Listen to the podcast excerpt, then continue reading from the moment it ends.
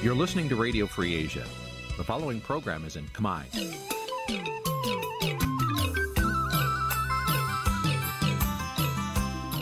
នេះជាកម្មវិធីផ្សាយ Vuthu Azizi Serai នេះជាកម្មវិធីផ្សាយរបស់ Vuthu Azizi Serai ជាភាសាខ្មែរ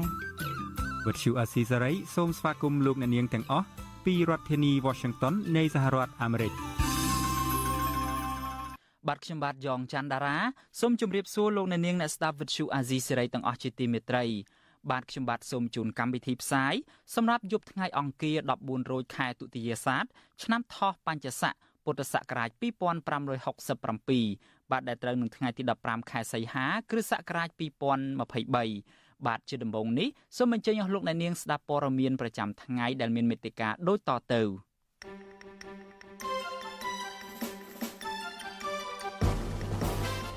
តំណាងសហគមន៍ដីធ្លី197ថ្កោលទោសការសម្រេចរបស់សាលាដំបងខេត្តកោះកុងដែលកាត់ឲ្យតំណាងបរដ្ឋ10នាក់ជាប់គុកមួយឆ្នាំថាជារឿងដែលមិនអាចទទួលយកបានមន្ត្រីគណៈបកភ្លើងទៀនម្នាក់នៅខេត្តបាត់ដំបងភៀសខ្លួនទៅរកកន្លែងមានសវត្ថិភាពក្រោយតុលាការកាត់ឲ្យជាប់ពន្ធនាគារចំនួន1ឆ្នាំកន្លះ មន្ត្រីពន្ធនាគារព្រៃសរមិនអនុញ្ញាតឲ្យអ្នកជាប់ឃុំគណៈបកភ្លើងទៀនបានទៅព្យាបាលជំងឺភ្នែកនៅមន្ទីរពេទ្យមិត្តភាពខ្មែរសូវៀតបាទវេទិកាអ្នកស្ដាប់វិទ្យុអាស៊ីសេរីនៅយប់នេះយើងនឹងជជែកពិភាក្សាគ្នាអំពីគណៈរដ្ឋមន្ត្រីបន្តត្រកូលនិងក្បាលធំថាតើនឹងបង្ហិនធនធានជាតិយ៉ាងណាខ្លះរួមនឹងព័ត៌មានសំខាន់សំខាន់មួយចំនួនទៀតបាទជាបន្តទៅទៀតនេះខ្ញុំបាទយ៉ងច័ន្ទដារាសូមជូនព័ត៌មានទាំងនេះពឺស្ដា បាទលោកនាងជាទីមេត្រីមន្ត្រីគណៈបកភ្លើងទៀនម្នាក់នៅខេត្តបាត់ដំបងបានភៀសខ្លួនទៅរកកន្លែងមានសវត្ថិភាពហើយក្រោយពីតុលាការកំពូលសម្រេចឲ្យលោកជាប់ពន្ធនាគារមួយឆ្នាំកន្លះពាក់ព័ន្ធទៅនឹងរឿងបញ្ចេញមតិនៅលើបណ្ដាញសង្គម Facebook របស់លោកនាយករដ្ឋមន្ត្រីហ៊ុនសែននៅក្នុងអំឡុងពេលកម្ពុជាមានទឹកជំនន់កាលពីឆ្នាំ2020កន្លងទៅ។ បាទមន្ត្រីអង្គការសង្គមស៊ីវិលលើកឡើងថាការសម្រេចរបស់តុលាការកំពូលនេះគឺជាការធ្វើទុកបុកម្នេញផ្នែកនយោបាយច្រើនជាងការអនុវត្តច្បាប់បាទលោកអ្នកនាងនឹងបានស្ដាប់ព័ត៌មាននេះពឺស្ដានៅពេលបន្តិចទៀតនេះកម្មវិធី Vithu Azizi ស្រីសម្រាប់ទូរស័ព្ទដៃអាចឲ្យលោកអ្នកនាង អានអត្ថបទទស្សនាវីដេអូនិងស្ដាប់ការផ្សាយផ្ទាល់ដោយឥតគិតថ្លៃនិងដោយគ្មានការរំខាន។ ដើម្បីអាននិងទស្សនាមេតិការថ្មីថ្មីពី Vithu Azisari លោកអ្នកនាងគ្រាន់តែចុចបាល់កម្មវិធីរបស់ Vithu Azisari ដែលបានដំឡើងរួចរាល់លើទូរស័ព្ទដៃរបស់លោកអ្នកនាងប្រសិនបើលោកអ្នកនាងចង់ស្ដាប់ការផ្សាយផ្ទាល់ឬការផ្សាយចាស់ចាស់សូមចុចលើប៊ូតុងរូប Vithu ដែលស្ថិតនៅផ្នែកខាងក្រោមនៃកម្មវិធីជាការស្រេច។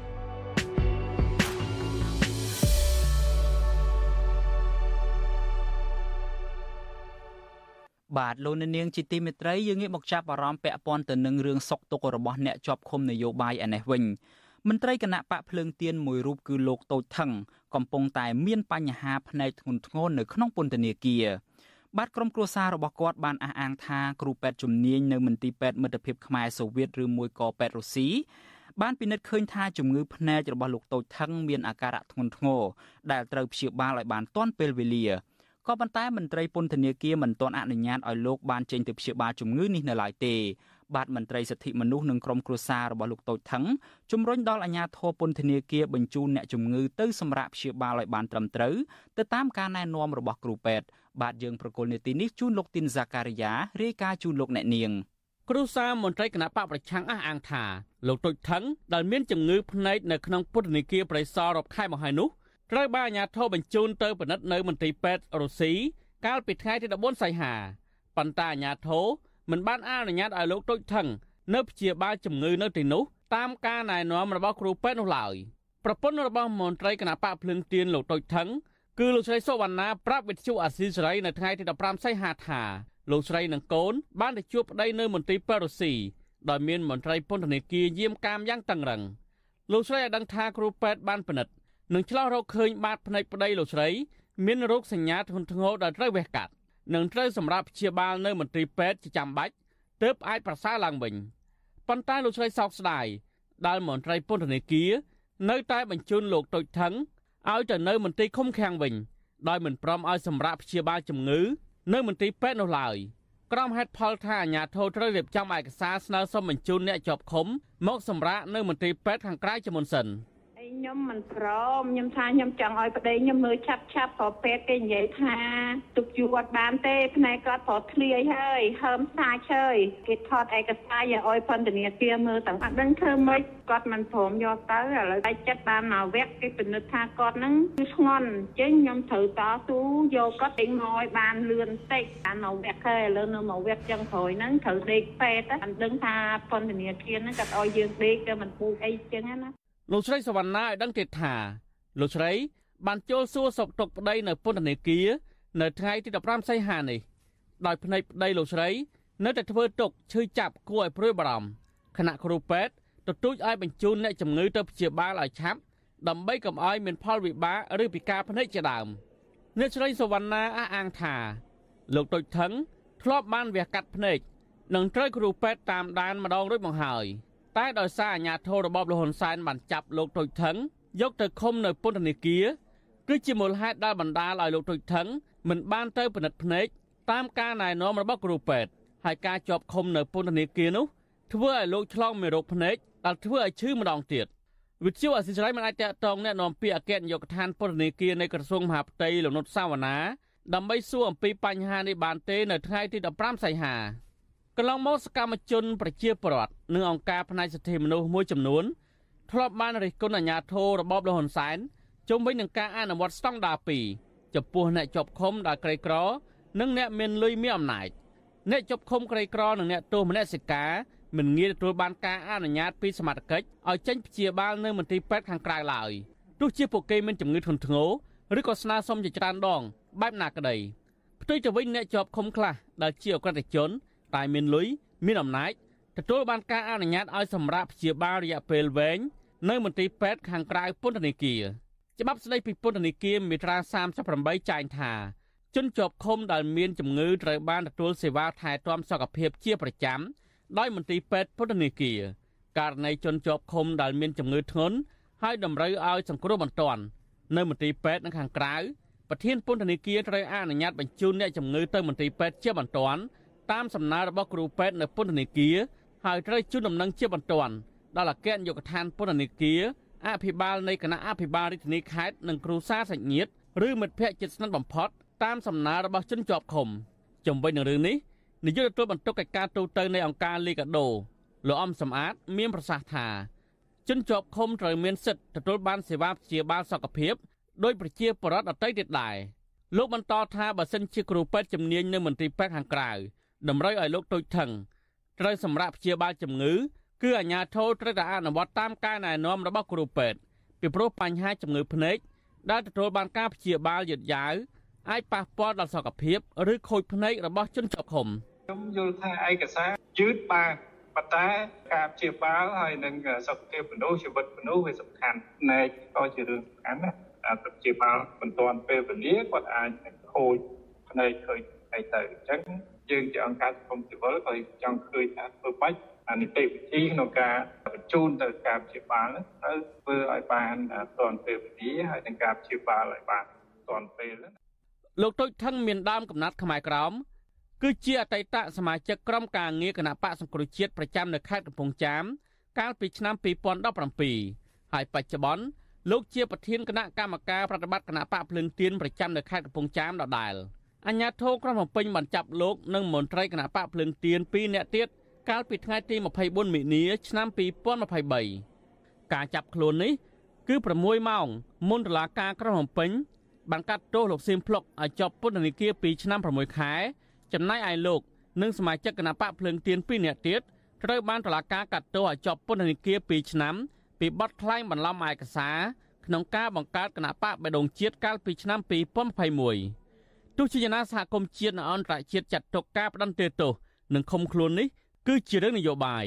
ខ្ញុំម៉ាទីនសាការីយ៉ាអស៊ីសេរីប្រធានាធិបតី Washington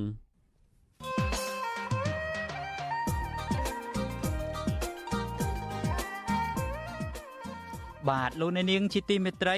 លោកនាយរដ្ឋមន្ត្រីហ៊ុនសែនបានរៀបចំគណៈរដ្ឋមន្ត្រីបន្តត្រកូលមួយឲ្យកូនប្រុសរបស់លោកគ្រប់គ្រងបន្តពីលោក លោកបានចាត់ចែងឲ្យមន្ត្រីចាស់ចាស់បានទៅកាន់តំណែងនៅស្ថាប័ននីតិបញ្ញត្តិឬបន្តស្ថិតនៅក្នុងតួនាទីដែលពួកគេធ្លាប់មានដូចជារដ្ឋលេខាធិការអនុរដ្ឋលេខាធិការឬក៏ទីប្រឹក្សារដ្ឋាភិបាលជាដើម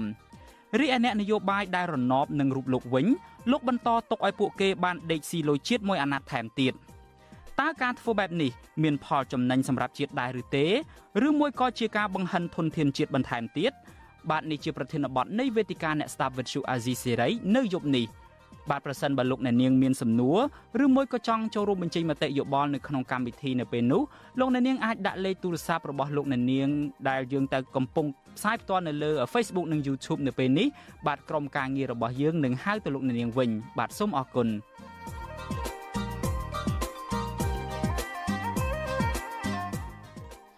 បាទលោកអ្នកនាងជាទីមេត្រីតកតងទៅនឹងការធ្វើទុកបុកម្នេញផ្នែកនយោបាយនេះដែរមន្ត្រីគណៈបកភ្លើងទៀនម្នាក់នៅខេត្តបាត់ដំបងបានភៀសខ្លួនទៅរកកន្លែងមានសុវត្ថិភាពហើយក្រោយពីតុលាការកំពូលបានសម្រេចឲ្យលោកជាប់ពន្ធនាគារមួយឆ្នាំកន្លះពាក់ព័ន្ធទៅនឹងរឿងបញ្ចេញមតិនៅលើបណ្ដាញសង្គម Facebook របស់លោកនាយរដ្ឋមន្ត្រីហ៊ុនសែនអំឡុងពេលកម្ពុជាមានទឹកជំនន់កាលពីឆ្នាំ2020កន្លងទៅ បាទមន្ត្រីអង្គការសង្គមស៊ីវិលលើកឡើងថាការសម្រេចរបស់តុលាការកំពូលនេះគឺជាការធ្វើទុកបុកម្នេញផ្នែកនយោបាយច្រើនជាងការអនុវត្តច្បាប់ បាទលោកសេកបណ្ឌិតរាយការណ៍ពីស្ដារអំពីរឿងនេះមន្ត្រីគណៈបកភ្លើងទៀនខេត្តបាត់ដំបងលើកឡើងថាពេលនេះលោកបានភៀសខ្លួនទៅដល់កន្លែងមានសុវត្ថិភាពហើយលោកបន្តថាមូលហេតុដែលលោកភៀសខ្លួនដោយសារព្រួយបារម្ភខ្លាចអាជ្ញាធរចាប់ដាក់ពន្ធនាគារតាមការសម្រេចរបស់តុលាការ ហេរ៉ាញឹកគណៈបកភ្លើងទៀនស្រុករុក្ខគិរីខេត្តបាត់ដំបង លោកសុកសឿមប្រាប់បទសុអសីសេរីនៅថ្ងៃទី15សីហាថាលោកមិនបានប្រព្រឹត្តខុសច្បាប់ដោយការចោទប្រកាន់របស់តុលាការឡើយលោកបន្តថាការចោទប្រកាន់របស់តុលាការតាំងពីថ្នាក់ក្រោមរហូតដល់តុលាការកំពូលនេះដោយសារលោកបានសរសេរសារក្នុង Facebook របស់លោកហ៊ុនសែនកាលពីថ្ងៃទី12តុលាឆ្នាំ2020 ក្នុងគ្រាដែលមានទឹកជំនន់នៅក្នុងខេត្តបាត់ដំបងសារដែលលោកសុកសឿមសរសេរនោះ មានខ្លឹមសារអំពាវនាវឲ្យមេភូមិឈូកឃុំបាសាក់ស្រុករុក្ខគិរី ជួយក្រុមគ្រួសាររបស់លោក ដែលបានជាប់គាំងកណ្ដាលទឹកអស់រយៈពេល4ថ្ងៃ និងខ្វះស្បៀងអាហារហើយសុខភាពកាន់តែចុះខ្សោយទៀតផង លោកថាក្រោយមកអាជ្ញាធរតាំងពីថ្នាក់ភូមិដល់ស្រុកបានសហការគ្នាប្តឹងលោកទៅតុលាការហើយតុលាការ បានចោទប្រកាន់លោកពីបទក្លែងព័ត៌មានញុះញង់ឲ្យប្រព្រឹត្តបទឧក្រិដ្ឋជាអាតនិងញុះញង់ឲ្យមានការរើសអើងលោកចាត់ទុកការសម្រេចរបស់តុលាការកំពូលនេះថាជារឿងអយុត្តិធម៌មិនអាចទទួលយកបានឡើយ តុលាការក៏សម្រេចដាក់ពន្ធនាគារខ្ញុំ គឺរងនៅភាពអយុត្តិធម៌យ៉ាងខ្លាំងទី1ខ្ញុំរងគ្រោះដោយសារទឹកជំនន់លិចមួយសាហើយបន្ទាប់មកត្រូវអាជ្ញាធរក៏សហការគ្នាប្តឹងខ្ញុំរហូតដល់តុលាការគ្រប់ស្ថាប័នក៏ក៏សហការគ្នាដាក់បន្ទុកខ្ញុំយ៉ាងធ្ងន់ដែរគឺជា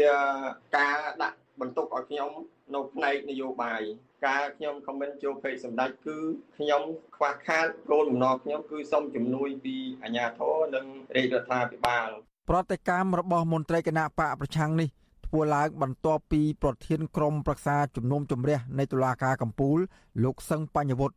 កាលពីថ្ងៃទី31ខែកក្កដាកន្លងទៅ បានតម្កល់សំណុំរឿងរបស់លោកសុកសឿមទុកជាបានការតាមការសម្រេចរបស់តុលាការថ្នាក់ក្រោម។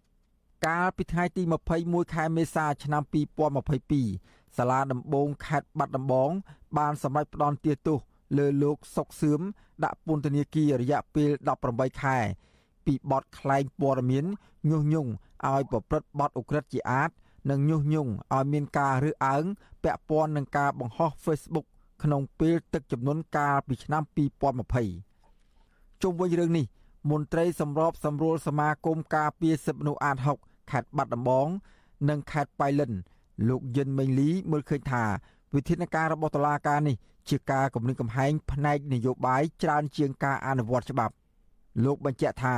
រឿងនេះជាការសម្ដែងមតិរបស់ប្រជាពលរដ្ឋដែលរងគ្រោះដោយសារទឹកជំនន់ហើយគ្មានអាជ្ញាធរណាអើពើជួយដល់ពួកគាត់ដូច្នេះតុលាការមិនគួរចោទប្រកាន់លើលោកសុកសឿមនោះឡើយ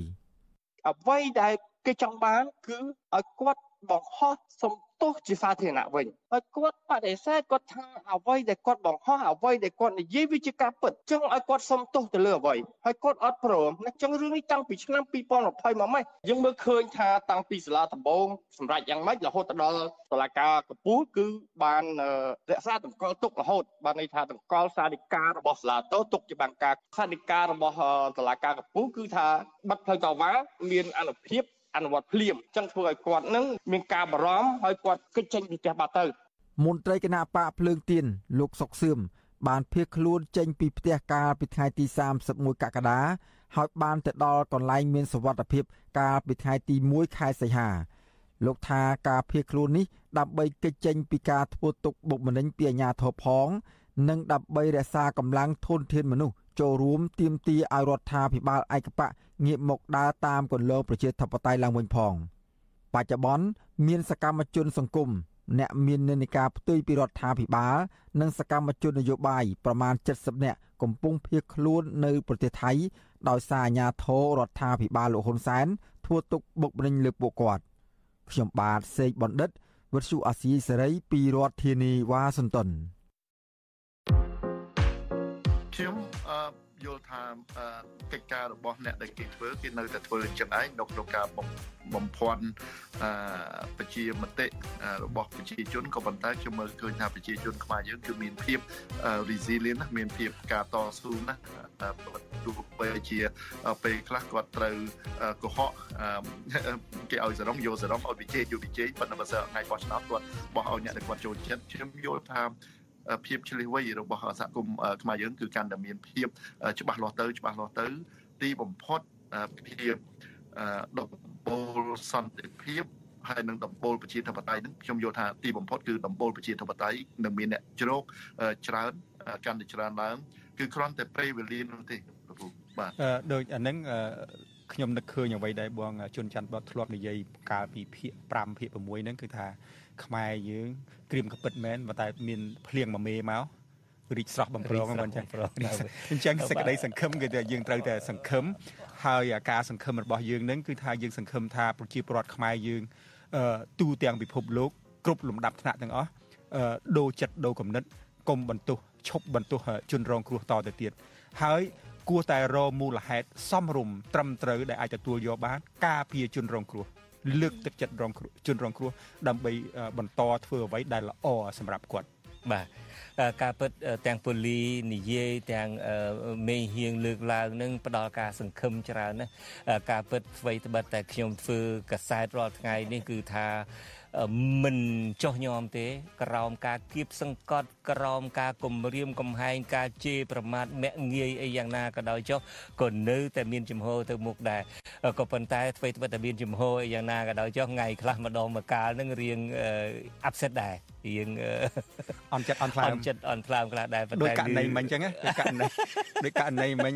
មិញហៀងហៅខ្ញុំបងហៅយូពូអញ្ចឹងអន់ចិត្តថ្លើមអានឹងអានឹងអានឹងមិនអន់ចិត្តទេពីព្រោះយើងដឹងថាពូលីខ្លួនឯងទេអ្នកបខំ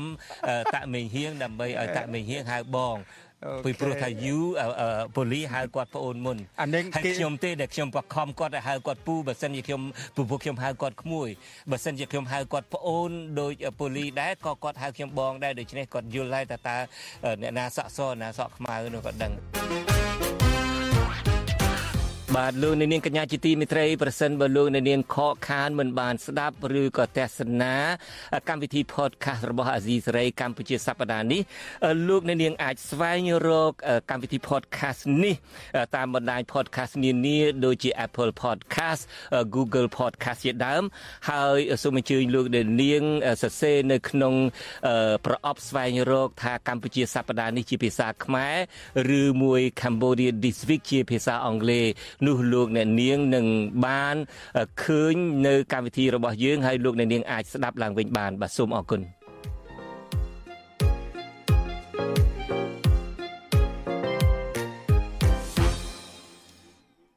បបាទលោកអ្នកនាងជាទីមេត្រីដោយលោកជុនច័ន្ទបតបានជម្រាបជូនលោកអ្នកនាងហើយថាកម្មវិធី podcast របស់យើង គឺយើងចាក់ផ្សាយនៅព្រឹកថ្ងៃសៅរ៍ម៉ោងនៅកម្ពុជា គឺនៅលើ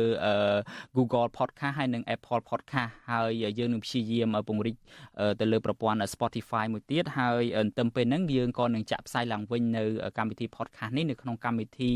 ព័ត៌មានប្រចាំថ្ងៃរបស់យើងនៅរៀងរាល់យប់ថ្ងៃច័ន្ទម៉ោងនៅកម្ពុជាដូច្នេះសូមលោកអ្នកនាងបន្តតាមដានស្ដាប់កម្មវិធី podcast របស់យើងជាបន្តទៅទៀតហើយនៅចុងសប្តាហ៍នេះយើងនឹងមានប្រធានបទមួយទៀតតាក់ទងទៅនឹងរឿង podcast នេះគឺថាតើប្រទេសកម្ពុជាសម្រាប់យើងទាំងអស់គ្នាឬមួយក៏ប្រទេសកម្ពុជាសម្រាប់តែក្រុមគ្រួសារត្រកូលហ៊ុននិងវណ្ណៈអ្នកដឹកនាំរបស់គាត់ដូច្នេះសូមលោកអ្នកនាងបន្តតាមដានកម្មវិធីរបស់យើងទៀតហើយយើងពិតជាអរគុណលោកអ្នកនាងណាស់ដែលតែងតែកម្មវិធីគ្រប់គ្រងទាំងកម្មវិធីផ្សាយព័ត៌មានប្រចាំថ្ងៃរបស់យើងផងនិងកម្មវិធី podcast របស់យើងផងហើយយើងនឹងប្រឹងប្រែងពង្រីកការផ្សាយរបស់យើងនឹងប្រមូលព័ត៌មានឲ្យបានច្រើនបន្ថែមទៀតដើម្បីជម្រាបជូនលោកអ្នកនាងហើយបើលោកអ្នកនាងចង់ជួយយើងខ្ញុំវិញលោកអ្នកនាងគ្រាន់តែចុចចែករំលែកឬមួយក៏ share ការផ្សាយរបស់យើងនឹងទៅដល់ក្រុមទៅដល់ក្រុមគ្រួសារមិត្តភ័ក្តិបងប្អូនរបស់លោកអ្នកនាងទៅនេះគឺជាកម្លាំងចិត្តមួយហើយដើម្បីជួយដល់ក្រុមការងាររបស់វិទ្យុអាស៊ីសេរីបាទសូមអរគុណបាទលោកអ្នកនាងជាទីមេត្រីយើងងាកមកចាប់អារម្មណ៍ពាក់ព័ន្ធទៅនឹងវិវាទការងារនៅក្រុមហ៊ុន Casino Naga World ឯនេះវិញ ក្រុមកោតក្រនៃក្រុមហ៊ុនបនលបៃ Naga World ប្រមាណ40នាក់នៅថ្ងៃទី15ខែសីហានេះបានបន្តធ្វើកោតកម្មនៅខាងមុខក្រុមហ៊ុនបនលបៃមួយនេះបាទនៅក្នុងការតវ៉ាលើកនេះក្រុមកោតក្របានកាន់សៀវភៅច្បាប់ស្តីពីការងារដើម្បីបង្ហាញថាក្រសួងការងារមិនបានប្រើច្បាប់នេះយកមកដោះស្រាយវិវាទការងារនោះទេក៏ប៉ុន្តែបែរជាលំអៀងទៅខាងថៅកែក្រុមហ៊ុន ដែលមានលុយនឹងរំលោភច្បាប់ការងារទៅវិញ តំណាងគឧតកោ Nagawer លោកស្រីមុំសវត្ថិនប្រាប់វិទ្យុអាស៊ីសេរីនៅថ្ងៃទី15ខែសីហានេះថាកម្ពុជាជាប្រទេសដែលមានច្បាប់ត្រឹមត្រូវមិនមែនជាប្រទេសដែលគ្មានច្បាប់ទម្លាប់នោះទេលោកស្រីស្នើដល់ក្រសួងការងារយកច្បាប់ការងារមកអនុវត្តដើម្បីដោះស្រាយវិវាទការងារនៅពេលនេះក្នុងនាម បងជាកម្មករដែលកំពុងរងគ្រោះបងស្នើសុំដល់ក្រសួងការងារគុំបង្កើតមកដើម្បីតាំងពីពណ៌បងចង់ឲ្យក្រសួងការងារមានទំនួលខុសត្រូវអាចរកយុត្តិធម៌ឲ្យកម្មករព្រោះបើសិនជាក្រសួងការងារបង្កើតឡើងដើម្បីតែកាន់ជើងថៅកែបងក៏ថាមិនបាច់បង្កើតក្រសួងល្អជាងរំលាយក្រសួងការងារចោលទៅកុំឲ្យខាតថវិកាជាតិអញ្ចឹងណា បាទវិទ្យុអាស៊ីសេរីនៅពុំទាន់អាចតាក់ទងแนะនាំពាក្យក្រសួងការងារលោកហេងសួរដែលនឹងក្លាយទៅជារដ្ឋមន្ត្រីថ្មីនៃក្រសួងការងារបាននៅឡើយទេតាក់ទងទៅនឹងរឿងនេះនៅថ្ងៃទី15ខែសីហាបាទក្រុមកោតក្រនៃក្រុមហ៊ុនបនលបែងកាស៊ីណូ Naga World បានធ្វើកោតកម្មទាមទារឲ្យថៅកែក្រុមហ៊ុននិងរដ្ឋាភិបាលលោកហ៊ុនសែនដោះស្រាយវិវាទការងារនេះអស់រយៈពេល7ឆ្នាំមកហើយក៏ប៉ុន្តែនៅមិនទាន់មានដំណោះស្រាយនៅឡើយទេ ផ្ទុយទៅវិញអាញាធននៃរដ្ឋាភិបាលលោកហ៊ុនសែនបានចោទប្រកាន់ទៅលើតំណាងកោតក្រនិងផ្ដន់ទោសពួកគេចន្លោះពី1ឆ្នាំទៅ2ឆ្នាំក្រោមបទចោទញុះញង់បង្កឲ្យមានភាពវឹកវរធ្ងន់ធ្ងរដល់សន្តិសុខសង្គមទៅវិញ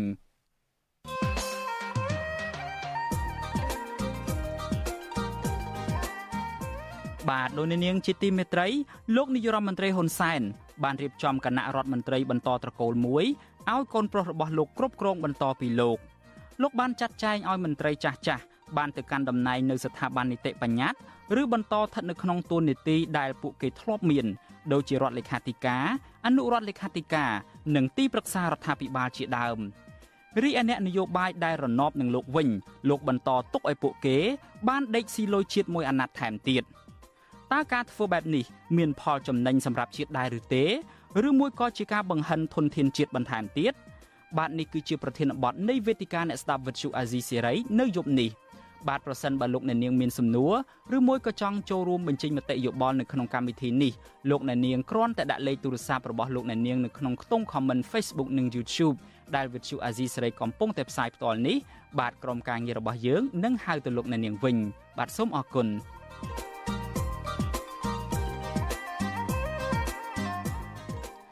បាទលោកអ្នកនាងជាទីមេត្រីយើងក៏លេខទៅមើលនៅឯខេត្តបាត់ដំបងឯណោះវិញសិស្សសាលាគ្រូបង្រៀននិងប្រជាពលរដ្ឋមួយចំនួនរស់នៅតាមបណ្ដោយស្ទឹងសង្កែនៅក្នុងស្រុកឯកភ្នំខេត្តបាត់ដំបងព្រួយបារម្ភពីសុវត្ថិភាពរបស់ក្មេងៗដែលជិះទូកឆ្លងទៅសាលារៀនស្ទើររាល់ថ្ងៃនៅក្នុងរដូវវស្សានេះដោយប្រឈមទៅនឹងគ្រោះថ្នាក់លិចទូកខណៈទឹកកម្លាំងបាទសំទុកខណៈកម្លាំងទឹកស្ទឹងហូរគួចខ្លាំង បាទមន្ត្រីអង្គការសង្គមស៊ីវិលនិងប្រជាពលរដ្ឋជំរុញឲ្យអាជ្ញាធរមូលដ្ឋាន និងមន្ត្រីជំនាញគិតគូរពីការកសាងស្ពានឆ្លងកាត់ស្ទឹងដើម្បីបម្រើផលប្រយោជន៍ប្រជាពលរដ្ឋបាទលោកនៅវណ្ណរិនរាយការណ៍ព័ត៌មាននេះជាវីដេអូដូចតទៅ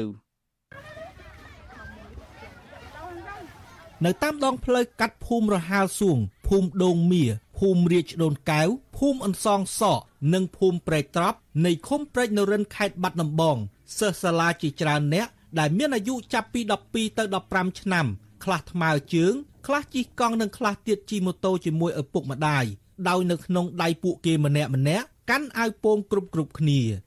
អាវពោងទាំងនេះមិនមែនជារបស់សម្រាប់ពួកគេលេងនោះទេក៏ប៉ុន្តែនេះគឺជាឧបករណ៍ជួយសង្គ្រោះអាយុជីវិតរបស់ពួកគេ នៅពេលដែលពួកគេឡើងទូកឆ្លងទឹកស្ទឹងទៅរៀនម្ដងម្ដងគួយចាំមួយម៉ោងណាដល់ពេលទឹកឡើងចឹងទៅគាត់ក៏ផ្ដាំថា មករៀនឲ្យពាក់អាវប៉ោងមកជាប់កុំឲ្យនៅសិស្សថ្នាក់ទី8នៃអនុវិទ្យាល័យបាក់អមរែកយុវជនរ៉េតសីហាថ្លែងថារូបគេត្រូវឆ្លងទូកទៅសាលាមួយថ្ងៃ2ដង ហើយរាល់ពេលឆ្លងម្ដងម្ដងសិស្សទាំងអស់មានក្តីបារម្ភខ្លាចលិចទូកនិងដោយសាររលកធំធំ ទឹកហូរគួចខ្លាំងបើទោះបីជាអ្នកចេះហែលទឹកក៏ដោយក៏នៅតែមានអាវពោងសុវត្ថិភាពពាក់ជាប់នឹងខ្លួន សូមសូមឲ្យរដ្ឋាភិបាលជួយធ្វើស្ពានឲ្យឲ្យបានឆ្លងស្រួលព្រោះអីវាវាជួយដល់ការសិក្សាកុំឲ្យយើងមានការភ័យភ័យព្រួយណាមួយឲ្យប្រជាពលរដ្ឋយើងងាយស្រួលក្នុងការឆ្លងកាត់ទៅវិញទៅមក តាមបណ្ដោយដងស្ទឹងសង្កែស្ពានផ្សារប្រហុកស្ថិតនៅក្នុងភូមិព្រែកតាច្រែងគឺជាស្ពានចុងក្រោយបង្អស់នៅខាងខ្សែទឹកខាងក្រោមដែលមានចម្ងាយ7គីឡូម៉ែត្រពីក្រុងបាត់ដំបងប៉ុន្តែទីតាំងស្ពាននេះមិនស្ថិតនៅទីតាំងសាលារៀនឡើយព្រោះសិស្សភាគច្រើន ជាកូនកសិកររស់នៅក្នុងភូមិចំនួន6ក្នុងឃុំព្រែកនរិន ស្ថិតនៅត្រើយខាងលិចមិនអាចធ្វើដំណើរឆ្លងកាត់ស្ពានផ្សារប្រហុកដើម្បីទៅរៀនបាននោះទេ ព្រោះការធ្វើដំណើរត្រូវវៀងមានចម្ងាយផ្លូវពី5គីឡូទៅ8គីឡូម៉ែត្រហើយត្រូវចំណាយពេលវេលាយូរនិងទៅមិនទាន់ម៉ោងទៀតផងរាំកោនឹងឯងខ្លាចអើយលងទឹកព្រោះអីអត់ចេះហាទឹកតែបានអ្នកខ្លះគេជួយអានពងអីចឹងនៅមានហ្នឹងនៅតែបារម្ភទៀត ពលរដ្ឋនៅក្នុងភូមិអន្សងសក់អ្នកស្រីនៅម៉ារ៉ាដែលមានកូនស្រីម្នាក់ឆ្លងទូកទៅរៀនស្ទើររាល់ថ្ងៃឲ្យដឹងថាទោះបីកូនលោកស្រីមានអាវពោងពាក់ការពារក្តី ក៏លោកស្រីនៅតែបារម្ភអំពីសុវត្ថិភាពកូនដែរព្រោះលោកស្រីយល់ថាក្មេងសិស្សសាលាមានកម្លាំងកាយនិងស្មារតីខ្សោយជាងមនុស្សចាស់ទន្ទឹមនឹងនោះនៅពេលដែលជួបគ្រោះថ្នាក់អ្វីមួយក្មេងនឹងអាចមានការតក់ស្លុតជាងមនុស្សចាស់ដែលជាហេតុផលធ្វើឲ្យពួកគេមិនអាចប្រឈមនឹងកម្លាំងទឹកហូរខ្លាំងបាននោះឡើយចិត្តក៏ចង់បានស្ពានដែរហ្នឹងឯងតែ ពេលមានពេលទៅស្រួលកូនទៅរៀនអីវាអត់សូវភ័យឆ្លងទូកអញ្ចឹងប៉ុន្តែឆ្លងទូកទៅគ្នាច្រើននេះទៅគឺថាបាក់អើផ្អៀងអីទៅអាចទៅជាលិចកលាក់អីក៏មានកូនខ្ញុំនេះអត់ប៉ាន់ហែកទឹកហត់ដូចនិយាយទៅវាអត់ចេះហែកទឹកល្អហងធំប៉ុណ្្នឹងឯងខែភាសាតែពួកអត់ មានការចាប់បាច់អត់ឆ្លងទេហ៊ានឆ្លងទូកចម្លងដែលមានសិស្សនិងប្រជាពលរដ្ឋប្រើប្រាស់ជាមធ្យោបាយសម្រាប់ឆ្លងទៅត្រើយម្ខាងនោះជាប្រភេទទូកដក្បាលសងខាងរៀបស្មើ បញ្ជាដោយម៉ាស៊ីនសាំងឬចែវដោយច្រវាដៃមានទទឹង7.2ម៉ែត្របណ្ដោយជាង4ម៉ែត្រក្នុងនោះកំពុងចម្លងខ្លះនៅប្រើប្រាស់ទូកធ្វើអំពីឈើមានសភាពចាស់ទ្រុឌទ្រោម និងទូកចម្លងមួយចំនួនក៏មានទឹកជ្រាបចូលខាងក្នុងផងដែរក៏ប៉ុន្តែម្ចាស់ទូកដខ្លះបញ្ជាក់អះអាងថាពួកគាត់តែងតែត្រួតពិនិត្យទូកជាប្រចាំនិងជួសជុលជារៀងរាល់ឆ្នាំ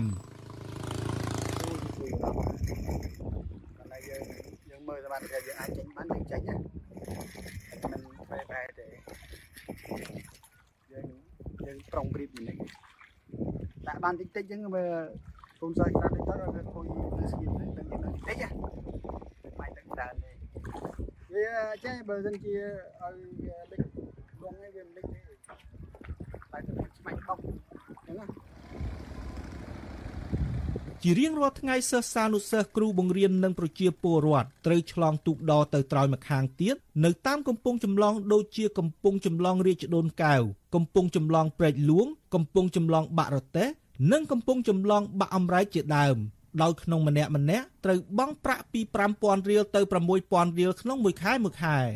ទូកខ្លះមានសភាពចាស់ទ្រុឌទ្រោមទូចចង្អៀតនិងងាយខ្លងពេលដែលមានរលកជះពីទូកផ្សេងមក ចំណែកទូកខ្លះទៀតបញ្ជាដោយម៉ាស៊ីនសាំងឯខ្លះទៀតត្រូវចែវដោយច្រវាដៃនិងប្រើខ្សែទាញដែលចងភ្ជាប់ទៅនឹងត្រើយម្ខាងទៀត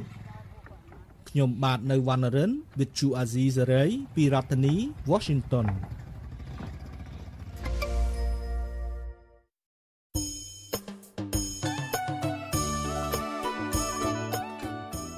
បាទលោកនាងជាទីមេត្រីដំណើរគ្នានឹងស្ដាប់ការផ្សាយរបស់ Vuthu Azizi Serai នៅតាមបណ្ដាញសង្គម Facebook និង YouTube លោកនាងក៏អាចស្ដាប់ការផ្សាយរបស់យើងតាមរយៈវិទ្យុរលកថេដាកាខ្លីឬមួយក៏ Shortwave បានដែរគឺតាមកម្រិតនិងកម្ពស់ដូចតទៅនេះបាទពេលព្រឹកចាប់ពីម៉ោង5កន្លះដល់ម៉ោង6កន្លះតាមរយៈប៉ុស SW 12.14 MHz ស្មើនឹងកម្ពស់ 25m និងប៉ុស SW 13.71 MHz ស្មើនឹងកម្ពស់ 22m ពេលយប់ចាប់ពីម៉ោង7កន្លះដល់ម៉ោង8កន្លះតាមរយៈប៉ុស SW 9.73 MHz បាត់សំទោសគឺ9.33 MHz ស្មើនឹងកម្ពស់ 32m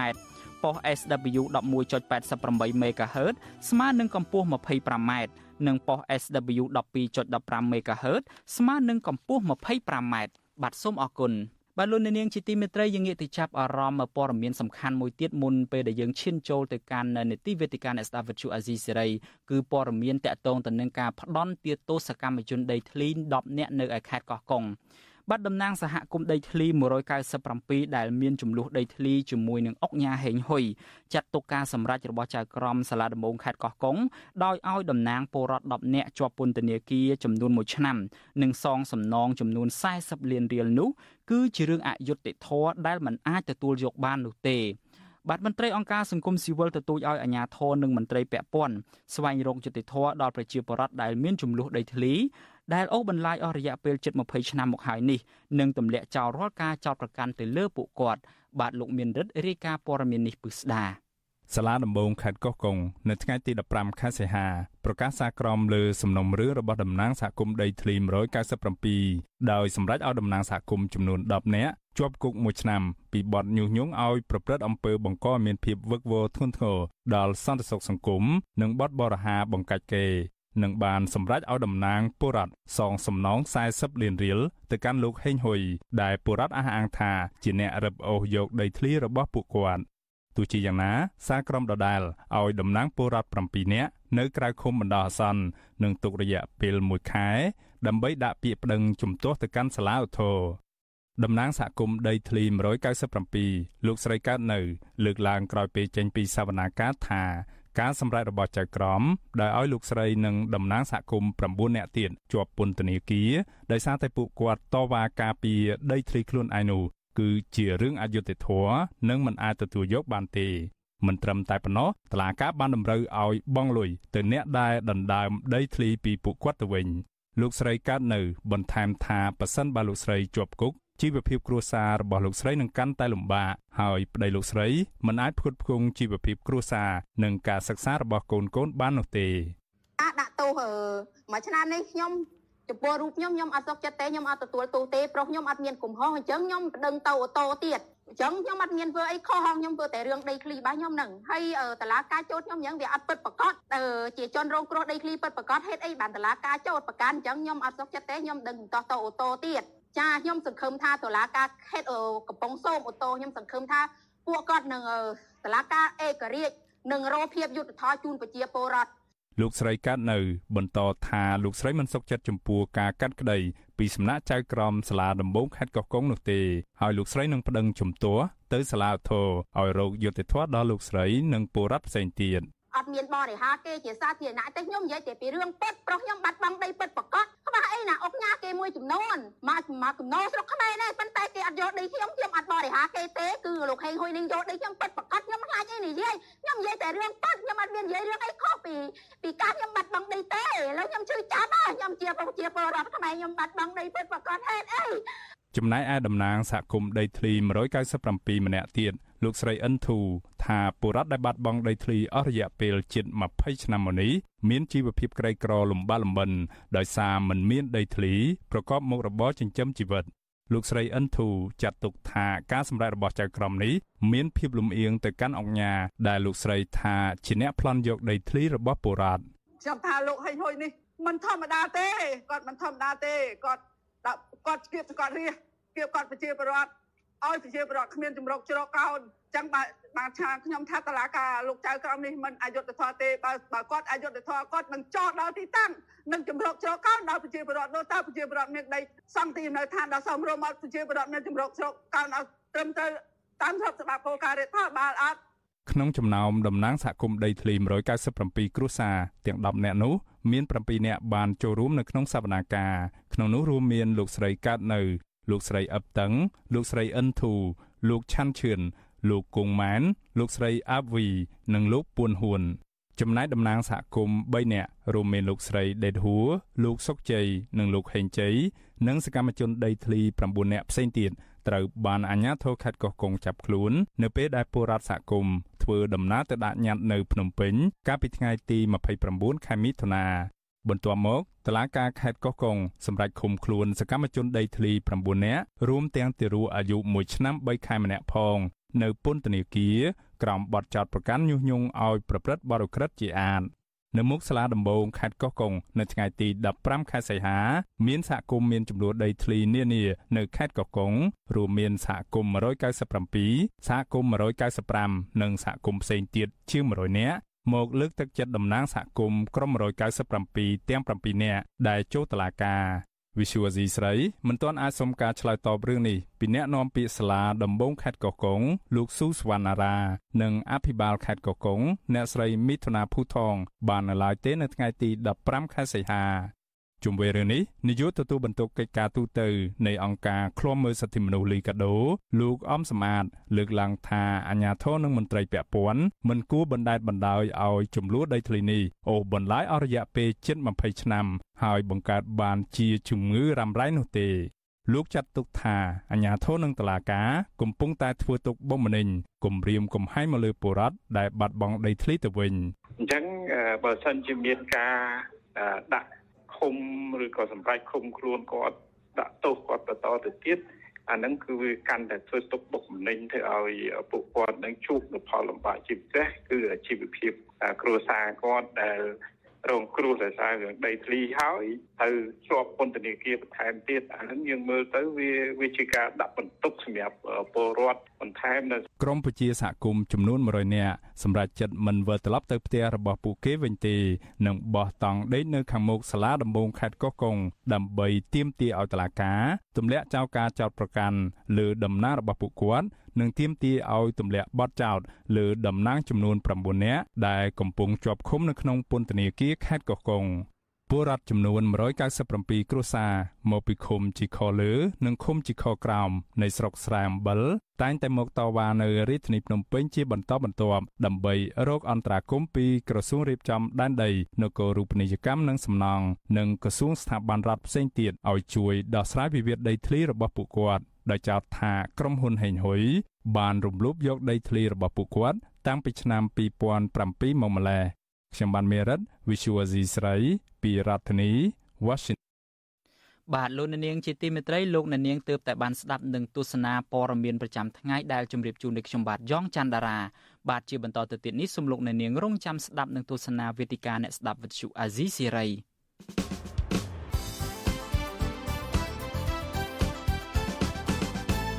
បាទលោកនាងជាទីមេត្រីកម្មវិធីជាបន្តទៅទៀតនេះគឺជានីតិវេទិកាអ្នកស្ដាប់វិទ្យុអាស៊ីសេរី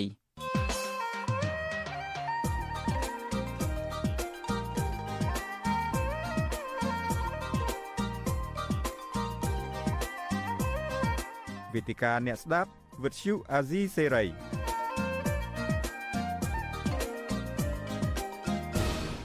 បាទខ្ញុំបាទយ៉ងច័ន្ទដារាសូមជម្រាបសួរលោកអ្នកនាងកញ្ញាជាថ្មីម្ដងទៀតបាទនេតិវេទិកាអ្នកស្ដាប់វិទ្យុអាស៊ីសេរីយើងនៅពេលនេះគឺយើងនឹងជជែកពិភាក្សាថាតើគណៈរដ្ឋមន្ត្រីបន្តត្រកូល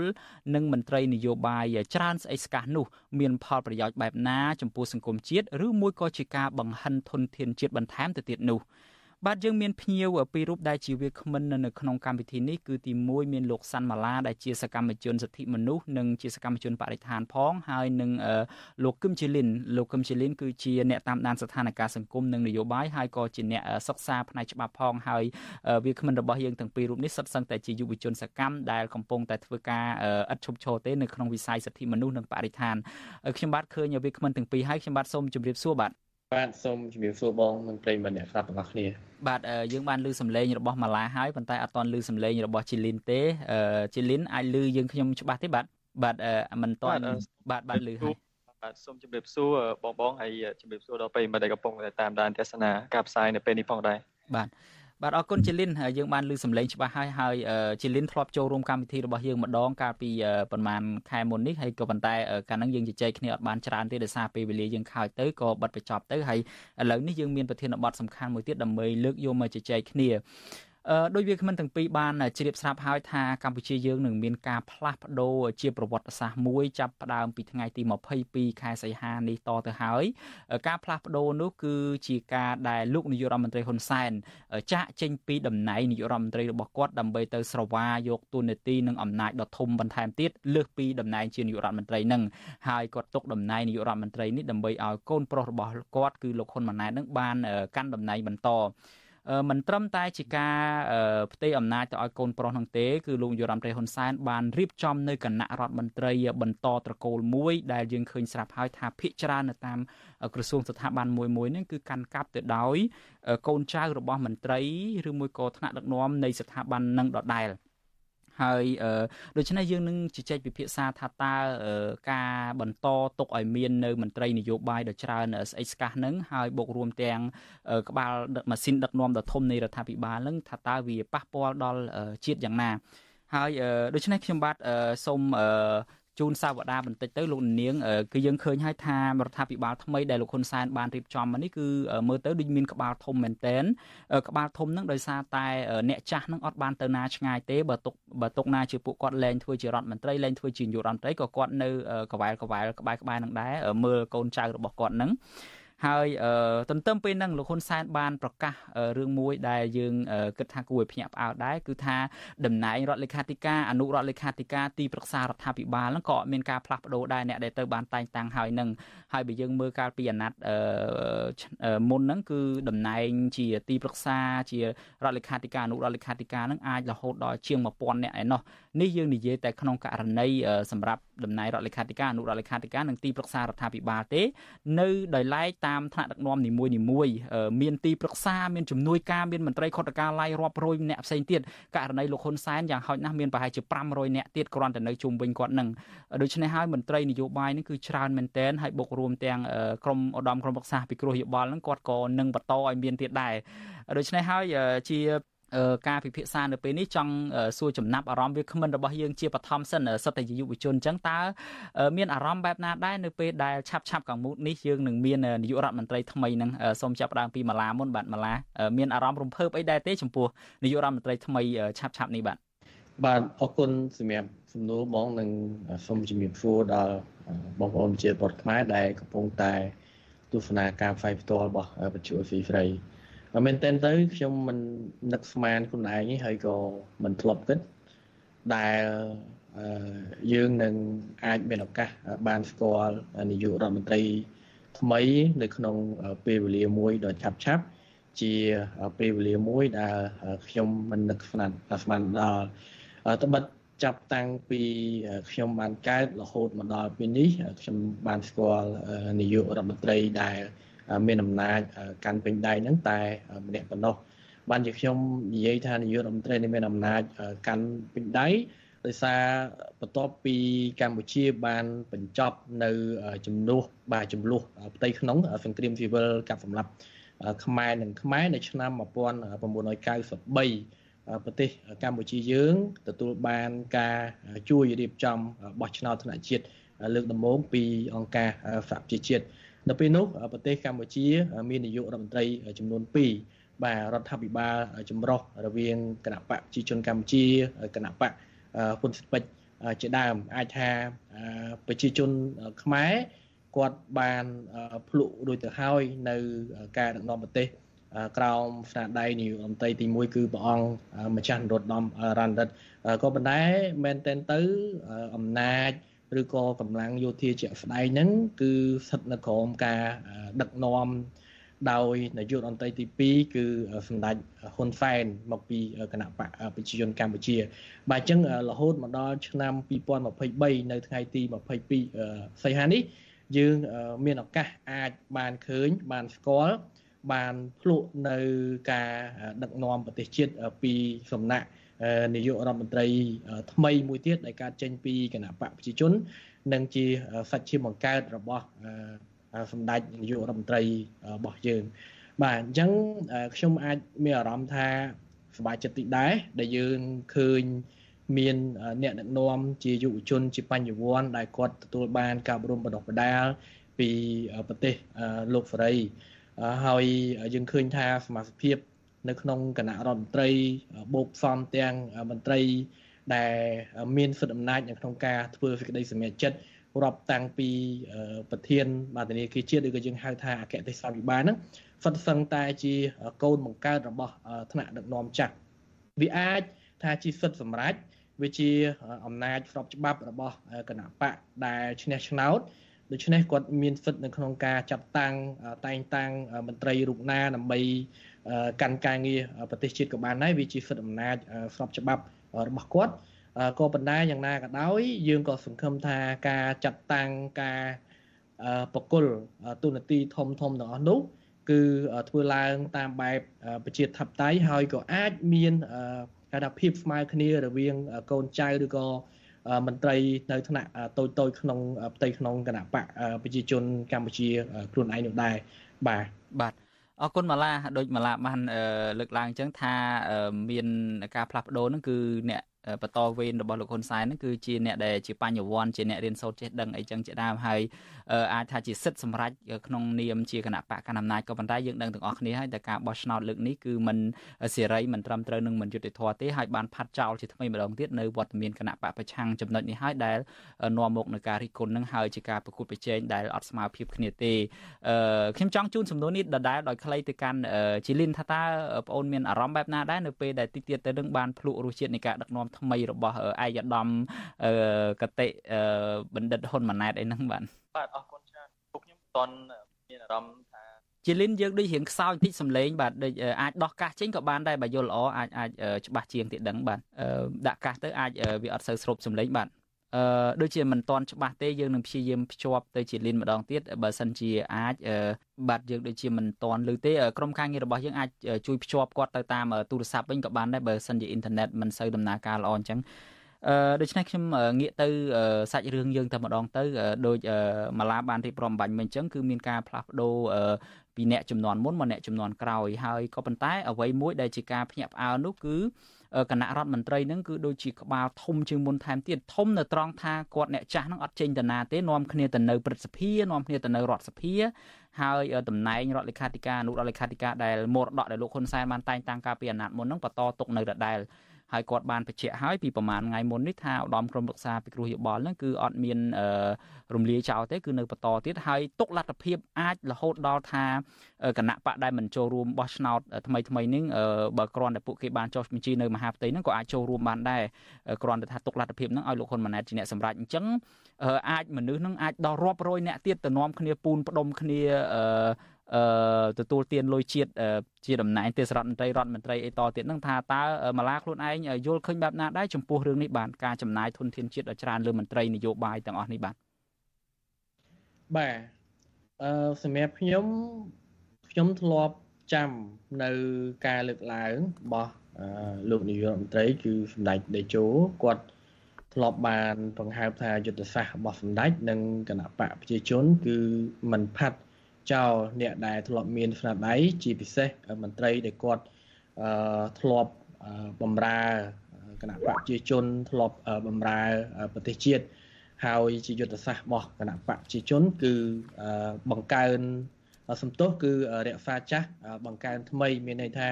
មនុស្សដែលមានសមត្ថភាពមនុស្សដែលស័ក្តិសមទៅនឹងទូនាទីបម្រើជាតិ គឺនឹងទទួលបានការតែងតាំងពីសំណាក់ប្រមុខរដ្ឋាភិបាលឬក៏គណៈបកកាន់អំណាចដោយឡែកសម្រាប់មន្ត្រីចាស់ចាស់ដែលត្រូវអាយុចូលនិវត្តន៍ឬលែងមានសមត្ថភាពបំពេញទូនាទីទៀតហើយក៏គណៈបកប្រជាជននឹងមិនបោះបង់ពួកគាត់ចោលដែរគឺនៅតែបន្តផ្ដល់នៅទូនាទីផ្ដល់នៅងារមួយចំនួនសម្រាប់គាត់កាន់កាប់ជាក់ស្ដែងដូចយើងមើលករណីរបស់ឧបនាយករដ្ឋមន្ត្រី ហៅនំហងបាទដែលគាត់ជាអតីតនាយករដ្ឋមន្ត្រីក្រសួងការបរទេសហ្នឹងក្រោយពេលដែលគាត់បាទមានវ័យជរាលែងអាចបំពេញការងារនេះតទៅទៀតគេបានតែងតាំងលោកប្រាក់សុខុនជារដ្ឋមន្ត្រីជំនួសដោយឡែកគេនៅតែរក្សាងារឧបនាយករដ្ឋមន្ត្រីនេះជូនលោកហៅនំហងផងដែរដូច្នេះបានន័យថាជាវប្បធម៌របស់គណៈបកប្រជាជនដើម្បីរក្សានៅសាមគ្គីភាពផ្ទៃក្នុង ដើម្បីបង្ហាញនៅភាពរឹងមាំហ្នឹងគេមិនផាត់ចោលនៅរាល់មន្ត្រីដែលធ្លាប់មានស្នាដៃបម្រើប្រទេសជាតិឬក៏បម្រើគណៈបកប្រជាជននោះទេខ្ញុំគិតថានេះវាជាយុទ្ធសាស្ត្រសំខាន់ក៏ប៉ុន្តែខ្ញុំគិតថាយុទ្ធសាស្ត្រនេះវាប្រហែលជានឹងបង្កនៅផលប៉ះពាល់ខ្លះខ្លះ បាទមកលើកូនចៅប្រជាពលរដ្ឋដែលគាត់រៀនសូត្រមានចំណេះដឹងគាត់ក៏ទទួលបានការសិក្សាអប់រំនៅក្រៅប្រទេសក៏ប៉ុន្តែទូនាទីសំខាន់សំខាន់ហ្នឹងគាត់មិនអាចចូលទៅបំពេញបានទេទូនាទីដែលពាក់ព័ន្ធទៅនឹងការសម្រេចចិត្តធំធំគឺគាត់អាចធ្វើបានត្រឹមតែជាជំនួយការជាកូនចៅ ជាទីប្រឹក្សាឬក៏ជាមន្ត្រីបច្ចេកទេសដែលមិនសូវមានសិទ្ធិអំណាច ផ្នែកនយោបាយហើយយើងមើលឃើញផងដែរថាបើយើងធៀបប្រទេសកម្ពុជារបស់យើងទៅនឹងបណ្ដាប្រទេសក្នុងតំបន់អាស៊ានប្រទេសជឿនលឿនដូចជាសង្ហបុរីអីជាដើមហ្នឹងរដ្ឋាភិបាលកម្ពុជាត្រូវតែរៀនសូត្រថាបណ្ដាប្រទេសទាំងអស់នោះបាទគេអាចអភិវឌ្ឍសេដ្ឋកិច្ចរីកចម្រើនជឿនលឿនមានសាមគ្គីភាព ផ្ទៃក្នុងมันបាត់សន្តិភាពมันមានសង្គ្រាមហ្នឹងតែតាមរយៈការផ្ដល់តំណែងទូនាទីទៅឲ្យមន្ត្រីចាស់ចាស់មានស្នាដៃឬតាមរយៈយន្តការពង្រឹងការអនុវត្តច្បាប់កាត់បន្ថយអំពើពុករលួយ បាទពង្រឹងអបាលកិច្ចនៅក្នុងការដឹកនាំគ្រប់គ្រងប្រទេសជាតិឲ្យវាមានលក្ខណៈល្អប្រសើរឡើងវិញហើយជាពិសេស កន្លងមកខ្ញុំធ្លាប់ឮអ្នកដែលគាត់មានទំនោរគ្រប់គ្រងគណៈបកកម្មាណាចទៅរដ្ឋាភិបាលមួយចំនួនគាត់និយាយថាអឺប្រទេសកម្ពុជាយើង មានលក្ខខណ្ឌពិសេសដាច់ឡែកពីបណ្ដាប្រទេសផ្សេងផ្សេងនៅក្នុងពិភពលោកប្រទេសកម្ពុជាត្រូវការអ្នកដឹកនាំដែលមានកណ្ដាប់ដៃដែកបាទអ្នកដឹកនាំដែលមានភាព ម៉ត់ចត់ដោយសារយើងធ្លាប់ឆ្លងកាត់នៅភ្លើងសង្គ្រាមយើងមានទំនាស់នយោបាយយើងមានការកាប់សម្លាប់គ្នាច្រើនណាស់នៅក្នុងប្រវត្តិសាស្ត្រដូច្នេះត្រូវការមេដឹកនាំមួយដែលរឹងមាំដែលអាចក្តោបក្តាប់ស្ថានភាពបានក៏ប៉ុន្តែបើយើងធៀបទៅនឹងសហរដ្ឋអាមេរិកវិញយើងឃើញថាអាមេរិកគឺជាមហាប្រទេសលេខ1បាទខាងសេដ្ឋកិច្ចខាងសពពីវុឌ្ឍហើយបើនិយាយពីសត្រូវវិញអាមេរិកគឺមានសត្រូវជំទឹះ បញ្ហាផ្ទៃក្នុងក៏ច្រើនយើងឃើញវិបត្តិកភ្លើងការបាញ់សម្លាប់សិស្សសាលាការរើសអើងជាតិសាសន៍មកលើពួកអាស៊ីបាទមកលើជនជាតិអាមេរិកស្បែកខ្មៅក៏ប៉ុន្តែយើងឃើញថានយោបាយសហរដ្ឋអាមេរិកហ្នឹងគឺมันរង្គោះរង្គើมันមានផេះมันมันមានលក្ខណៈផុយផុយស្រាំដោយសារតែមានការផ្លាស់ប្ដូររចនាសម្ព័ន្ធអ្នកដឹកនាំនៅក្នុងរដ្ឋាភិបាលឬក៏ មិនរង្គោះរង្គើដោយសារតែប្រជាពលរដ្ឋនឹងជ្រើសតាំងគណៈផ្សេងមកគ្រប់គ្រងមកកាន់អំណាចហ្នឹងជំនួសឲ្យគណៈបកដែលធ្លាប់កាន់អំណាចនោះទេដូច្នេះយើងគួរតែរៀនសូត្រពីបទពិសោធន៍ពីករណីសិក្សាល្អល្អការអនុវត្តល្អល្អពីបដាប្រទេសទាំងអស់នោះបាទពីព្រោះមួយទៀតបាទដោយសារនៅក្នុងឆ្នាំ2022យើងឃើញហើយរបាយការណ៍របស់អង្គការតម្លាភាពអន្តរជាតិគេបានវិតម្លៃថាប្រទេសកម្ពុជានឹងជាប្រទេស ដែលពុករលួយ បាទជាងគេនៅអាស៊ីអាគ្នេយ៍យើងទទួលបានបន្ទុកល្អអឺលើតែភូមិមាមួយទេ បាទយើងចាញ់ទាំងប្រទេសឡាវទាំងប្រទេសវៀតណាមទៀតដូច្នេះអានេះគឺជាអ្វីដែលរដ្ឋាភិបាលត្រូវតែកំណែតម្រង់ត្រូវតែកែសម្រួលហើយខ្ញុំគិតថាបើសិនជារដ្ឋាភិបាលអឺអាចអភិវឌ្ឍសេដ្ឋកិច្ចឲ្យរីកចម្រើនជឿនលឿនកាត់បន្ថយអំពើពុករលួយมันបំផ្លិចបំផ្លាញធនធានធម្មជាតិហ្នឹង ទោះបីជាមានគណៈបកប្រឆាំងមកពីលើមេឃមានអង្គការសង្គមស៊ីវិលមកពីលើមេឃវត្ថុអាស៊ីសេរីមកពីលើមេឃក៏มันអាចគេហៅថាធ្វើឲ្យប្រជាពលរដ្ឋហ្នឹងបាត់បង់ទំនុកចិត្តឬក៏លែងគ្រប់គ្រងរដ្ឋាភិបាលដែរ បាទបាទអរគុណម៉ាឡាចំពោះការរៀបរាប់ក្បោះក្បាយលើចំណុចនេះហើយខ្ញុំបាទសូមជម្រាបជូនលោកអ្នកនាងថាលោកអ្នកនាងដែលស្ដាប់ការផ្សាយរបស់យើងនៅលើ short wave លោកអ្នកនាងនៅមិនលឺការផ្សាយរបស់យើងទៀតទេនៅត្រឹមម៉ោង8កន្លះនេះហើយលោកអ្នកនាងដែលតាមដានការផ្សាយរបស់យើងតាម Facebook YouTube និង Telegram សូមបន្តជាមួយយើងបន្តិចទៀតយើងប្រហែលជាបន្ថែមម៉ោងផ្សាយប្រហែលជា10ទៅ15នាទីដើម្បីបិទបញ្ចប់ការវិភាសានេះហើយដោយម៉ាឡាបានលើកឡើងបាញ់មិញចឹងទៅបើថាការដឹកនាំនឹងបានល្អបានត្រឹមត្រូវទេប្រហែលជាអង្គការសង្គមស៊ីវិលប្រហែលជាសារព័ត៌មានឯករាជ្យនឹងអាចនឹងមិនសូវដើរតួនាទីសំខាន់ទៀតទេក៏ប៉ុន្តែអ្វីដែលយើងមើលឃើញជាក់ស្ដែងនេះគឺរបបលោកហ៊ុនសែនបានបរាជ័យនៅក្នុងការធ្វើប្រទេសនឹងឲ្យក្លាយជាប្រទេសដែលមាននីតិរដ្ឋពិតប្រាកដហើយមានលទ្ធិប្រជាធិបតេយ្យពេញលេញនឹងឯងដូច្នេះហើយដែលការតស៊ូនឹងគឺនៅតែមានតទៀតហើយយើងឃើញហើយថា ចំណុចមួយដែលម៉ាឡារៀបរាប់ហ្នឹងក៏តាក់ទងទៅនឹងរឿងការបន្តកាន់តំណែងរបស់មន្ត្រីចាស់ចាស់មួយចំនួនដែលករណីនៅសង្ហបុរីនៅអីប៉ុន្តែករណីសង្ហបុរីគឺជាករណីពិសេសដាច់ដោយឡែកដែលប្រទេសគេពិតជាស្អាតស្អំហើយពិតជាមានការកែតម្រង់ទៅលើរឿងច្បាប់រឿងទម្លាប់នឹងមែនប៉ុន្តែករណីនៅប្រទេសកម្ពុជាយើងនៅទីបំផុតទៅអ្នកដឹកនាំខ្លាចជាអ្នកនៅលើច្បាប់ប្រើច្បាប់ជាឧបករណ៍នយោបាយអីចឹងជាដើមហើយយើងនឹងជជែកគ្នាលម្អិតទៀតរឿងច្បាប់ទម្លាប់នេះនៅក្នុងឱកាសក្រោយឥឡូវនេះយើងងាកមកចូលសាច់រឿងយើងលំអិតទៅវិញតកតងទៅនឹងរឿងការចំណាយធនធានជាតិដ៏ច្រើននេះខ្ញុំបានឃើញជីលីនហើយចង់ដឹងទស្សនៈរបស់ជីលីនវិញថាតើនៅពេលដែលឃើញគណៈរដ្ឋមន្ត្រីក្បាលធំបែបនេះហើយបូករួមទាំងមន្ត្រីនយោបាយដែលលោកហ៊ុនសែនទុកឲ្យស៊ីលុយជាតិបន្តទៀតនេះតើបងអូនខ្លួនឯងជាអ្នកតាមដាននឹងមានទស្សនៈបែបណា មានអារម្មណ៍យ៉ាងណាដែរបាទបាទអរគុណច្រើនចំពោះសំណួរខ្ញុំ ទៅតិនទៅនឹងការចាយថាវិការជាតិទៅលើទៅដល់មន្ត្រីរាជការដែលជាសមាជិកភាពដែលទៅធ្វើការងារបម្រើទៅដល់ដូចជាដោះស្រាយបញ្ហារបស់ប្រជាជាតិផងដែរនោះអឺ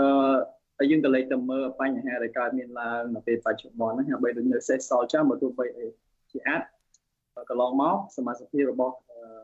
រដ្ឋាភិបាលដែលកម្មទូនីតិកន្លងមកពិចារណាហ្នឹងហាក់បីដូចជានៅសេសសល់បញ្ហាប្រឈមពិសេសបញ្ហារដ្ឋរបស់ប្រជាពលរដ្ឋមូលដ្ឋានហ្នឹងដូចជាអាចស្ទើរតែរៀងរាល់ថ្ងៃខ្ញុំតែងស្ដាប់ព័ត៌មានលើតែបញ្ហាដីធ្លីអឺមិនត្រឹមតែបញ្ហាដីធ្លីប៉ុណ្ណោះទេបញ្ហាការកាត់ជ្រៀលដីសាធារណៈបរដ្ឋហើយវាប៉ះពាល់ទៅដល់ប្រជាជនមូលដ្ឋានផងដែរជាសោតនោះអានោះសិតតែនៅបន្តកើតមានឡើងហើយ បញ្ហានេះខ្លាចជាបញ្ហាអតិភិបសម្រាប់ប្រជាពលរដ្ឋដែលកំពុងសម្លឹងមើលហើយចង់ឃើញសមាជិករដ្ឋាភិបាលថ្មីនេះមានការដោះស្រាយផងដែរអញ្ចឹងចំពោះខ្ញុំខ្ញុំមើលឃើញថាបើសិនជាសមាជិកភាពនៅតែមានខ្ញុំឃើញថាការផ្លាស់ប្ដូរសមាជិកភាពឲ្យមកពីវិជនក្នុងការកាន់ទូនីតិទាំងអស់នេះគឺថារំពឹងថាប្រជាផ្លាស់ប្ដូរផ្លាស់ប្ដូររបៀបដឹកនាំហើយបង្វែរការចាប់អារម្មណ៍មកខ្លួនឯងមកយកចិត្តទុកដាក់ការស្វែងរកប្រជាប្រិយភាពបែបសុចរិត អឺដោយព្យាយាមដោះស្រាយបញ្ហារបស់ពលរដ្ឋដើម្បីពលរដ្ឋគ្រប់គ្រងខ្លួនឯងផ្ដល់សិទ្ធិឆ្នោតខ្លួនឯងហ្នឹងខ្ញុំគិតថានេះជាចំណុចថ្មីដែលអ្នកអ្នកដឹកនាំបែបជាយុវជនគាត់គឺចិត្តទុកដាក់ដែរហើយការចាយការជាតិនេះឲ្យទៅលើមន្ត្រីរាជការទាំងអស់នេះបើកប្រាក់និវត្តដល់មន្ត្រីរាជការនេះវាជាចំណាយចរន្តមួយផងដែរហើយខ្ញុំចង់គូបញ្ជាក់មួយផងដែរគូរយោងតាមអឺ ផែនការថាវិការជាតិកន្លងមកផងដែរហើយក្នុងនោះមានការកត់សម្គាល់ទៅលើស្ថានភាពបំណុលសាធារណៈក្រៅប្រទេសដែលយើងជាពាក់បំណុលបរទេសផងដែរការចំណាយទៅលើថាវិការចរន្តនេះក៏ជាផ្នែកមួយនៃការចាយវារបស់ថាវិការជាតិយើងផងដែរហើយអឺវាបំណុលដែលខ្ញុំបានរំលេចឡើងពីខាងដើមនោះមកដល់បើយើងប្រៀបធៀបការចន្លោះពីឆ្នាំ2019មកដល់ពេលនេះវាមានការកើនឡើងអឺគួរឲ្យកត់សម្គាល់ផងដែរ កាលពីឆ្នាំ2019នៅក្នុងឆមាសទី1នោះយើងមើលឃើញនៅក្នុងក៏សម្គាល់ថាមានបំណុលជាតិរបស់ជាតិយើងនោះគឺរហូតដល់7000ជាងលានដុល្លារនោះចេញមកដល់ត្រឹមឆ្នាំ2022គឺត្រឹមឆ្នាំ2022បំណុលជាតិរបស់យើងកើនឡើងរហូតដល់ជិត10,000លានដុល្លារគឺ9000 9900ជាង1000លានដុល្លារនោះអញ្ចឹងយើងមើលឃើញថា ស្ថានភាពបំណុលជាតិយើងកាន់តែមានការកើនឡើងពីមួយឆ្នាំទៅមួយឆ្នាំហើយនៅពេលដែលអឺបំណុលជាតិកំពុងតែខ្លាយទៅជាបន្ទុករបស់ពលរដ្ឋតាមរយៈការបង់ពន្ធជាដើមហ្នឹងហើយរីឯត្រឡប់មកមើលពីបញ្ហាដែលយើងនិយាយពីផលិតភាពរបស់មន្ត្រីរាជការដែលបំពេញមុខងារក្នុងការដោះស្រាយបញ្ហារបស់ពលរដ្ឋហ្នឹងហាក់បីដូចជាមិនទាន់ឆ្លើយតបនៅឡើយទេគឺមកវិញយើងឃើញមានរឿងអយុត្តិធម៌សង្គមកើតមានឡើងជាហូបហើយករណីដូចជារឿងការ អឺរំលោភបំពានដីធ្លីជាដើមពីសំណាក់អ្នកមានហើយយើងក៏សង្កល់ផងដែរអឺការផ្ដល់ទួនាទីមុខនីតិទៅដល់សមាជិកមន្ត្រីរាជការនោះផងដែរយើងឃើញមានការជាប់ពាក់ព័ន្ធខ្លះខ្លះផងដែរជាមួយនឹងខ្សែស្រឡាយអ្នកដែលរស់ស៊ីធំធំផងដែរហើយដែលយើងមើលលម្អិតទៅក្នុងការសម្រេចតាមរយៈអនុក្រឹត្យកន្លងមកផងដែរយើងមើលឃើញថាអ្នកដែលទទួលបានការកាត់ជ្រឿដីផ្សេងៗ តាមយ៉ាងអនុក្រឹត្យនោះយើងឃើញថាមានការជាប់ពាក់ព័ន្ធនៅទំនាក់ទំនងជាមួយនឹងសមាជិករបស់រដ្ឋាភិបាលបាទលោកនាងជាទីមេត្រីតកតងទៅនឹងរឿងគណៈរដ្ឋមន្ត្រីថ្មីនេះគឺថាយើងនឹងមានសេចក្តីរាយការណ៍ពិសេសពិសេសផ្ដោតទៅលើថាតើបុគ្គលដែលជាអ្នកដឹកនាំចំនួនថ្មីជាពិសេសជារដ្ឋមន្ត្រីជាឧបនាយករដ្ឋមន្ត្រីនឹងថាតើពួកគេជាអ្នកណាខ្លះហើយថាតើពួកគេអាចនឹងមានសមត្ថភាពដឹកនាំប្រទេសកែតម្រង់ប្រទេសទៅរកភាពត្រឹមត្រូវវិជ្ជមានដែរឬទេឬមួយក៏នៅទីបំផុតពួកគេនឹងដឹកនាំប្រទេសទៅតាមគន្លងដឹកនាំរបស់លោកហ៊ុនសែនដែលគេរកឃើញថាមានការរំលោភសិទ្ធិមនុស្សធ្ងន់ធ្ងរនឹងជាប្រព័ន្ធនោះដូច្នេះសំលោកនាងបន្តតាមដានកម្មវិធីផ្សាយរបស់យើងជាបន្តទៅទៀតបាទមកដល់ត្រឹមនេះខ្ញុំបាទយ៉ងច័ន្ទដារាព្រមទាំងក្រុមការងារទាំងអស់នៃវិទ្យុអាស៊ីសេរីសូមអរគុណនិងសូមជម្រាបលា បាទរាត្រីសួស្តី